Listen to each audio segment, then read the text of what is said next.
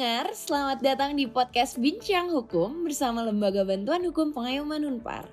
Bagi teman-teman yang baru mendengarkan podcast ini, mungkin ada yang belum tahu nih tentang Lembaga Bantuan Hukum Pengayoman Unpar.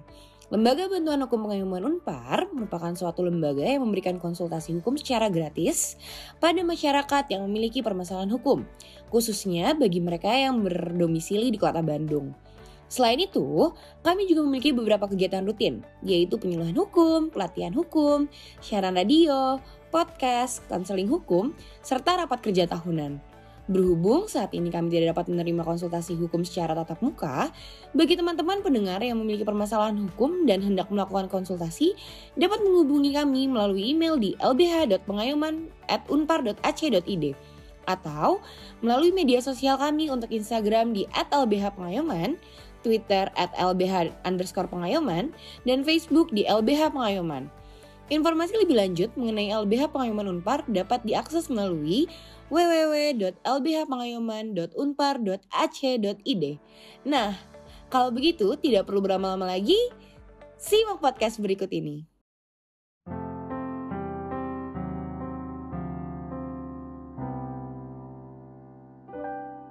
Halo pendengar podcast, kembali lagi bersama aku Thomas di podcast Bincang Hukum bersama LBH Pengayoman Unpar. Nah, di podcast hari ini aku nggak sendirian nih, aku ditemani oleh salah satu rekan aku, yaitu Diza. Halo Diza. Hai Tom, apa kabar Tom? Baik Diz, kamu apa kabar? Baik Tom. Eh, uh, ngomong-ngomong, kan kita lagi PPKM nih di Bandung. Uh, aku tuh jadi sering banget loh Tom, uh, beli-beli barang lewat online gitu, lewat toko-toko online, aplikasi online. Kamu gimana, Top? Sama aku juga. Aku jadi benar-benar beli kebutuhan sehari-hari aku tuh ya online gitu loh. Dari beli uh, alat-alat mandi kayak sabun, sampo, sikat gigi, odol gitu kan. Atau mungkin beli hmm, baju, skincare, beli kebutuhan-kebutuhan sehari-hari sehari-hari lainnya. Bahkan aku beli makanan pun ya online gitu loh sekarang karena nggak bisa keluar juga kan. Gitu di sekolah kamu gimana? Bener banget Tom, aku juga sama banget kayak gitu. Bener-bener semuanya sampai apa ya pernak-pernik pun aku belinya di online gitu. Tapi aku pengen curhat sih sebenarnya. Kemarin tuh aku tuh beli skincare nih ya di suatu toko online. Nah, aku lihat tokonya tuh dan dengar-dengar emang itu sebenarnya toko bagus yang trusted gitu dan impor uh, skincare skincare Korea gitu ke ke sini. Terus yaudah deh, jadinya aku putusin untuk aku beli kan di toko itu. Terus aku udah beli, udah aku check out, terus aku udah bayar juga, udah aku transfer ke penjualnya. Ternyata nggak dikirim-kirim dong barang aku dan waktu aku mau tanya ke penjualnya nomor aku di blok Ih, asli gak sih, Dis? Kalau kayak gitu, kamu kayaknya ditipu gak sih? Nah, iya nih. Aku tuh curiga ini tuh bau-bau ditipu gitu kan, Tom? Wah, iya parah banget sih. Tapi ya, kemarinan tuh aku jadi, aku kan juga punya kerabat gitu ya. Tapi dia tuh uh, jualan barang secara online gitu loh. Dan dia tuh cerita kalau sebenarnya tuh dia pernah dapat pembeli yang udah kirim bukti transfer, tapi pas dicek di mutasi rekening itu belum ada bukti transfer dengan jumlah yang sama dengan itu gitu loh. Atau dari pengirim yang uh, si pembelinya itu. Jadi kayaknya uh, dia juga ditipu gitu loh dis. Oh iya ya Tom ya. Berarti si penjual itu tuh kayaknya dikirimin bukti transfer palsu ya Iya, Dis. Berarti kan kalau kayak gitu kita tahu ya, nggak cuma pembeli yang bisa ditipu secara dalam jual beli online ini, tapi penjual itu juga bisa. Kayak parah banget gak sih ternyata? Iya Tom, aku juga baru tahu sih ternyata penjual itu banyak juga ya uh, mengalami hal-hal seperti ini. Iya bener banget. Nah tapi kayaknya kalau kita bahas ini, kita lebih lebih asik nih kalau kita ajak teman kita yang udah sempat riset gitu loh tentang penipuan jual beli online. Bener banget Tom. Nah langsung aja kali ya kita sambut Halo Gia. Halo Thomas, halo Diza. Gimana nih? Apa kabar? Baik, Ge. Kamu apa kabar, Ge? Baik dong. Nah, G, jadi kan uh, kita tahu ya jadi banyak banget kisah gitu penipuan jual beli online ini yang uh, tadi aku sama Diza juga udah sempat ngobrolin gitu kan yang korbannya itu juga nggak cuma pembelinya tapi penjual juga bisa gitu jadi korban. Nah tapi sebenarnya ya kalau secara garis besar kenapa sih topik tentang uh, penipuan jual beli online itu jadi penting untuk dibahas gitu G? di podcast kita kali ini. Nah, seperti yang udah kita ketahui nih, kalau misalnya kita kan sekarang lagi pandemi, apalagi sekarang itu lagi ada PPKM. Jadi memang kegiatan kita untuk keluar rumah itu sangat dibatasi. Tapi walaupun adanya keadaan seperti ini kan orang-orang tetap butuh untuk memenuhi kebutuhan sehari-harinya. Oleh karena itu, banyak orang yang berupaya untuk memenuhi kebutuhan sehari-harinya secara online. Misalnya untuk belanja ke rumah uh, ke supermarket tetapi melalui aplikasi. Nah, dengan seperti itu kan uh, tinggal dikirim aja gitu ke rumahnya. Tapi selain untuk belanja kebutuhan sehari-hari juga kan kita uh, terdapat barang-barang yang kita ingin beli. Misalnya seperti skincare, baju atau bahkan album K-pop gitu gitu kan. Nah, tapi kalau sekarang itu kita dengan mudahnya uh, buka aplikasi dan membeli kemudian uh, tinggal bayar dan akan dikirim ke rumah kita. Nah, tapi dengan adanya keadaan seperti ini juga ada aja nih oknum-oknum yang mencari keuntungan tetapi dengan cara-cara yang tidak halal, misalnya dengan melakukan penipuan secara online.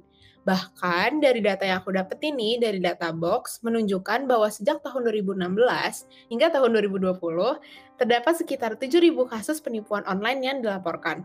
Oleh karena itu, jika kita rata-rata nih, setiap tahunnya terdapat sekitar 1.000 kasus penipuan online. Nah, disebabkan karena adanya fenomena ini, maka menyebabkan pentingnya edukasi terhadap masyarakat agar dapat mencegah dan mengetahui apa yang harus dilakukan ketika menjadi korban dari peristiwa ini. Nah, selain itu juga agar masyarakat mengetahui sanksi pidana dari pelaku penipuan online. Oh, oke, okay, G. Berarti tiap tahun itu ada sekitar seribu kasus ya penipuan online? Bener banget, Dies. Nah, terus kan kita tuh biasanya taunya penipuan itu penipuan konvensional ya. Sebenarnya penipuan online itu apa sih dan apa perbedaannya dari uh, penipuan konvensional biasa itu gitu. Nah, sebelum aku jawab, aku pengen nanya dulu sih. Ini kan berhubung kita bertiga tuh anak hukum. Aku mau nanya dulu nih sama Thomas dan Diza, kalau menurut kalian uh, perbedaan antara penipuan konvensional dan penipuan secara online itu gimana sih? Kalau menurut aku uh, bedanya penipuan online sama penipuan konvensional itu emang lebih di sarananya gitu loh kalau seandainya penipuan konvensional itu kan secara langsung ya berarti dia biasanya kayak bisa lewat ngomong langsung gitu atau mungkin pokoknya ya eh, cara-cara biasa yang kita tahu lah. Tapi kalau seandainya penipuan online itu ya berarti dia dalam jaringan gitu dia pakai internet atau mungkin pakai aplikasi-aplikasi tertentu yang dilakukannya ya secara online gitu tentunya. Jadi kayak hmm, bisa mungkin bisa pakai uh, aplikasi-aplikasi tertentu atau ada web-web tertentu gitu kali ya mungkin. Hmm, aku tuh setuju banget tuh sama Thomas. Berarti uh, kalau aku simpulin kayaknya itu antara penipuan konvensional dan penipuan online ini dia bedanya itu titik beratnya ada di uh, medianya ya Gia. Ya? Nah, benar banget di nah sebenarnya itu emang konsep penipuan online ini tidak beda jauh dengan penipuan secara konvensional yang diatur dalam pasal 378 KUHP. Nah, berdasarkan dengan pasal ini, penipuan adalah tindakan seseorang yang bertujuan untuk menguntungkan diri sendiri atau orang lain secara melawan hukum dengan menggunakan nama palsu atau martabat palsu, tipu muslihat atau rangkaian kebohongan, uh, menggerakkan orang lain untuk menyerahkan barang suatu kepadanya ataupun supaya memberi hutang maupun menghapuskan piutang. Nah, tapi pasal 378 ini kan hanya mengatur penipuan secara konvensional dan bukan secara online. Sehingga tentunya terdapat perbedaannya. Nah, benar nih seperti yang kalian udah jawab tadi, uh, perbedaannya itu terdapat dalam uh, sarana perbuatannya. Nah, hal ini disebabkan karena dalam penipuan online, sarana perbuatannya itu dilakukan melalui sistem elektronik yang bisa melalui komputer, internet, dan perangkat telekomunikasi. Nah, dikarenakan uh, konsep dari penipuan online dan penipuan konvensional itu kan tidak berbeda jauh ya. Nah, dikarenakan hal itu juga, maka bentuk dari penipuan online ini pun bermacam-macam. Nah, salah satu yang sering terjadi adalah penipuan jual beli online. Oke, berarti kan uh, kita tahu benar kalau seandainya emang perbedaan gitu ya antara penipuan konvensional dan penipuan online itu terletak pada sarananya. Cuma aku mau tahu deh, kalau untuk penipuan jual beli online apa aja sih bentuk-bentuknya gitu jadi uh, gimana aja sih bentuk-bentuk dari penipuan jual beli online itu gitu gitu Nah, tapi sebelum aku jelasin nih tentang bentuk-bentuk dari penipuan jual beli online, uh, kita harus ketahui bahwa uh, penipuan jual beli online ini korbannya tidak hanya pembeli, bahkan penjual pun sering mengalaminya. Nah, dari yang aku udah riset nih, terdapat tiga bentuk penipuan jual beli online yang sering terjadi. Nah, yang pertama itu uh, terdapat ketidaksesuaian barang atau produk yang diterima. Ketidaksesuaian ini dapat berupa jumlah barang yang tidak sesuai dengan pesanan, terdapat kerusakan, keterlambatan pengiriman, atau bahkan uh, barang yang dikirimkan itu merupakan barang tiruan. Nah, selain itu juga terdapat adanya pelaku usaha fiktif atau konsumen fiktif. Nah, hal ini menimbulkan kesulitan untuk dilakukan komplain baik dari pelaku usaha maupun konsumen yang menjadi korban karena nama, alamat maupun kontak yang diberikan adalah fiktif. Nah, selain itu juga biasanya nih bentuk penipuan yang ini uh, dialami oleh penjual. Jadi pelakunya itu mengirimkan bukti transfer palsu sehingga uh, penjual jika penjual tidak mengecek mutasi rekening dan mengirimkan barang, penjual itu akan menjadi rugi. Hmm, ternyata banyak banget ya, Ge, bentuk-bentuk dari penipuan jual beli online ini. Iya, bener banget, Dis.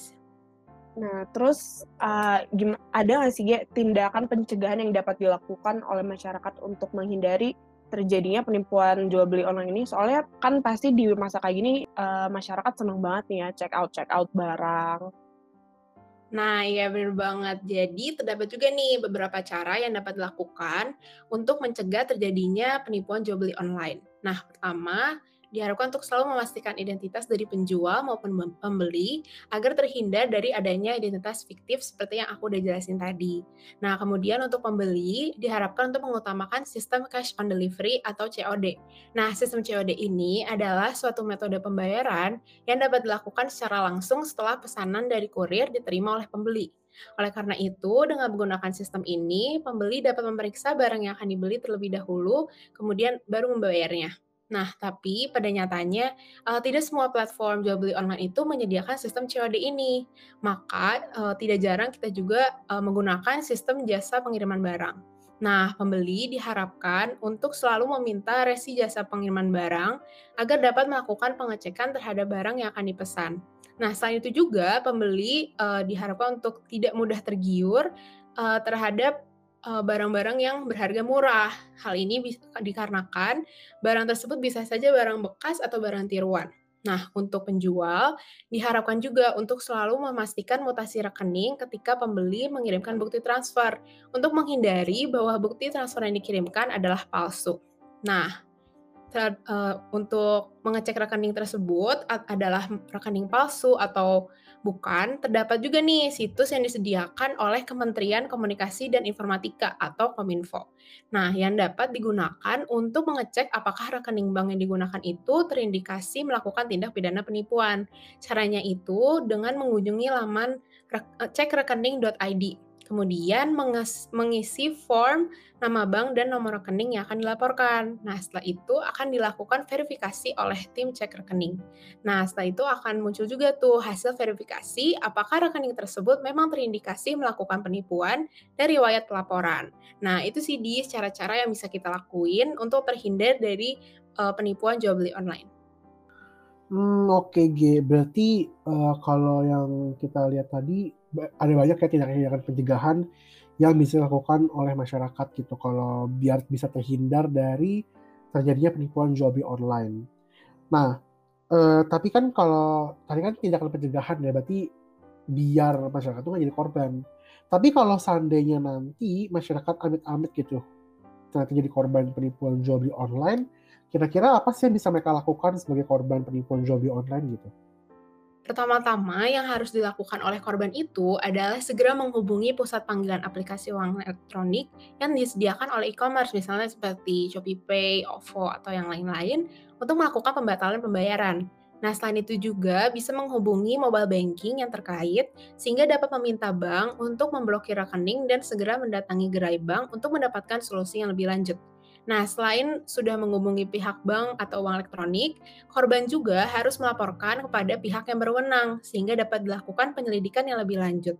Nah, pelaporan ini dapat dilakukan kepada pihak kepolisian, Bank Indonesia, otoritas jasa keuangan, atau instansi terkait lainnya. Oh, ternyata gitu ya, Ge. Terus uh, gimana nih kalau misalnya uh, kita tahu nih ada penjual yang melakukan penipuan jual beli online ini. Terus sanksi pidana bagi mereka apa, Ge? Kalau misalnya kita melihat sanksi pidana nih dalam pasal 378 yang mengatur mengenai penipuan secara konvensional. Nah, pelaku dari penipuan ini diancam dengan pidana penjara paling lama 4 tahun. Namun, berhubung penipuan ini dilakukan secara online dan terjadi adanya transaksi secara elektronik, maka sebaiknya kita melihat pada aturan yang mengatur mengenai transaksi elektronik, yaitu Undang-Undang Nomor 11 Tahun 2008, Junto Undang-Undang Nomor 19 Tahun 2016 tentang informasi dan transaksi elektronik atau yang biasa disebut dengan Undang-Undang ITE. Nah, tapi G sebetulnya lebih uh, kita ngobrol lebih lanjut ke tentang sanksi pidananya. Aku mau nanya sih sebenarnya, kenapa sih lebih baik pakai pasal dalam Undang-Undang ITE dibandingkan dengan pasal 378 KUHP? Jika terjadi adanya penipuan jual beli online tuh memang sebaiknya lebih tepat untuk diterapkan pasal dalam Undang-Undang ITE. Nah, hal ini tuh disebabkan karena dalam pasal 378 KUHP itu belum mengatur secara spesifik mengenai penipuan secara online. Nah, hal ini juga sejalan dengan adanya asas lex specialis derogat legi generali yang mengesampingkan aturan yang bersifat umum. Oleh karena itu, pada kasus penipuan jual beli online lebih tepat untuk diterapkan pasal dalam Undang-Undang ITE dibandingkan dengan pasal 378 yang terdapat dalam KUHP. Nah, secara terkhusus dalam Undang-Undang ITE itu terdapat dalam pasal 20 Pasal 28 ayat 1 yang menjelaskan bahwa setiap orang dengan sengaja dan tanpa hak menyebarkan berita bohong dan menyesatkan yang mengakibatkan kerugian konsumen dalam transaksi elektronik. Nah, berita bohong yang dijelaskan dalam pasal ini itu secara spesifik mengenai berita bohong yang menyebabkan kerugian terhadap konsumen dalam transaksi elektronik, sehingga penipuan online itu termasuk di dalamnya. Hmm, tadi kan disebut-sebut nih, Ge, ada kata berita bohong. Sebenarnya apa sih, Ge, uh, yang dimaksud dengan berita bohong itu atau yang mungkin kita lebih sering dengar uh, hoax ya, Ge? Uh, kalau misalnya nih uh, kita melihat dalam Kamus Besar Bahasa Indonesia atau KBBI. Nah, berita bohong atau hoax itu dijelaskan sebagai informasi bohong. Nah, selain itu juga jika kita melihat dalam Oxford English Dictionary, hoax itu didefinisikan sebagai malicious deception atau kebohongan yang dibuat dengan tujuan jahat. Oleh karena itu, dapat disimpulkan nih bahwa e, berita bohong atau hoax itu adalah informasi yang tidak benar dengan tujuan yang tidak baik. Contohnya saja penipuan yang dilakukan pada saat jual beli online. Oleh karena itu, jika terjadi adanya penipuan jual beli online yang menyebabkan terlanggarnya pasal 28 ayat 1 Undang-Undang ITE, maka dapat dikenakan sanksi yang terdapat dalam pasal 45A ayat 1 Undang-Undang ITE yang berbunyi setiap orang yang dengan sengaja dan tanpa hak menyebarkan berita bohong dan menyesatkan yang mengakibatkan kerugian konsumen dalam transaksi elektronik sebagaimana yang dimaksud dalam pasal 28 ayat 1 dipidana dengan pidana penjara paling lama 6 tahun dan atau denda paling banyak 1 miliar rupiah. Oleh karena itu, jika kita melihat berdasarkan dengan pasal tersebut, maka pelakunya itu dapat dipidana dengan pidana penjara paling lama 6 tahun dan atau uh, denda paling banyak satu miliar. Nah, kemudian ada tambahan aja nih informasi dari aku berhubung kita masih uh, ngomongin tentang berita bohong. Nah, berita bohong yang diatur dalam Undang-Undang ITE ini tidak hanya mengenai berita bohong yang merugikan konsumen, sebagaimana yang diatur dalam pasal 28 ayat 1 junto pasal 45A. Namun diatur juga mengenai berita bohong yang bermuatan lain, misalnya berkaitan dengan berita bohong yang bermuatan penghinaan dan atau pencemaran nama baik itu diatur dalam pasal 27 ayat 3 Undang-Undang ITE atau berita bohong yang menimbulkan rasa kebencian berdasarkan sara. Nah, hal ini diatur dalam pasal 28 ayat 2 Undang-Undang ITE. Jadi, untuk ketentuan mengenai uh, berita bohong lainnya dapat dilihat lebih lanjut dalam Undang-Undang ITE. Oke, G. uh, berarti cukup besar juga ya sanksi pidana yang uh, bisa dikenakan gitu terhadap uh, penjual yang melakukan penipuan jual beli online.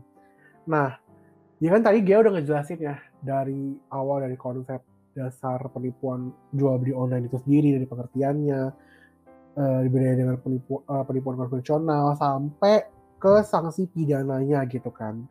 Nah, dari Gia sendiri ada gak sih kesimpulan atau closing statement tentang uh, topik kita kali ini, tentang podcast kita kali ini? Nah, berdasarkan dari perbincangan kita hari ini, kita mengetahui ya kalau uh, penipuan jual beli secara online itu merupakan suatu tindakan yang dapat dikenakan sanksi pidana. Atau lebih spesifiknya itu dapat dikenakan pada pasal 28 ayat 1 Undang-Undang ITE beserta sanksinya yang terdapat dalam pasal 45A Undang-Undang ayat 1 Undang-Undang ITE. Namun, sebenarnya dalam Undang-Undang ITE ini hanya mengatur jika terjadinya adanya berita bohong yang merugikan konsumen, tetapi tidak mengatur jika pihak yang dirugikan adalah penjual. Oleh karena itu, menurut aku nih, seharusnya ditambahkan ketentuan mengenai penjual yang menjadi korban, sehingga penjual pun dapat dilindungi. Nah, Selain itu juga, dikarenakan penipuan jual beli online ini masih sering terjadi, aku berharap kepada masyarakat untuk lebih berhati-hati dalam melakukan transaksi jual beli online dan menerapkan berbagai tindakan pencegahan agar terhindar dari kejahatan penipuan jual beli online ini. Wah, ternyata banyak banget ya Tom informasi yang kita dapetin dari diskusi hari ini sama Gia Tom. Iya, bener banget di sekarang tuh jadi tahu banyak gitu loh. Dan khususnya itu yang paling jadi poin penting itu adalah tentang tindakan pencegahan kalau kita mau aman gitu ya dari penipuan jual beli online. Dan uh, kalau kita amit-amit gitu udah jadi korban penipuan jual, jual beli online kita juga jadi tahu gitu loh kita harus ngapain aja. Iya benar banget toh pasti perlu banget nih untuk masyarakat tahu uh, tentang sanksi-sanksi pidana bagi penipuan jual beli online ini. Nah, terima kasih nih untuk Thomas dan Gea udah temenin aku diskusi hari ini di dalam podcast ini. Makasih juga Diza, makasih juga Thomas yang udah nemenin aku ya untuk berbincang-bincang pada podcast kita kali ini. Sama-sama. Oke, terima kasih juga nih untuk para pendengar yang telah mendengarkan podcast kita kali ini. Sampai jumpa di podcast selanjutnya. Salam sehat.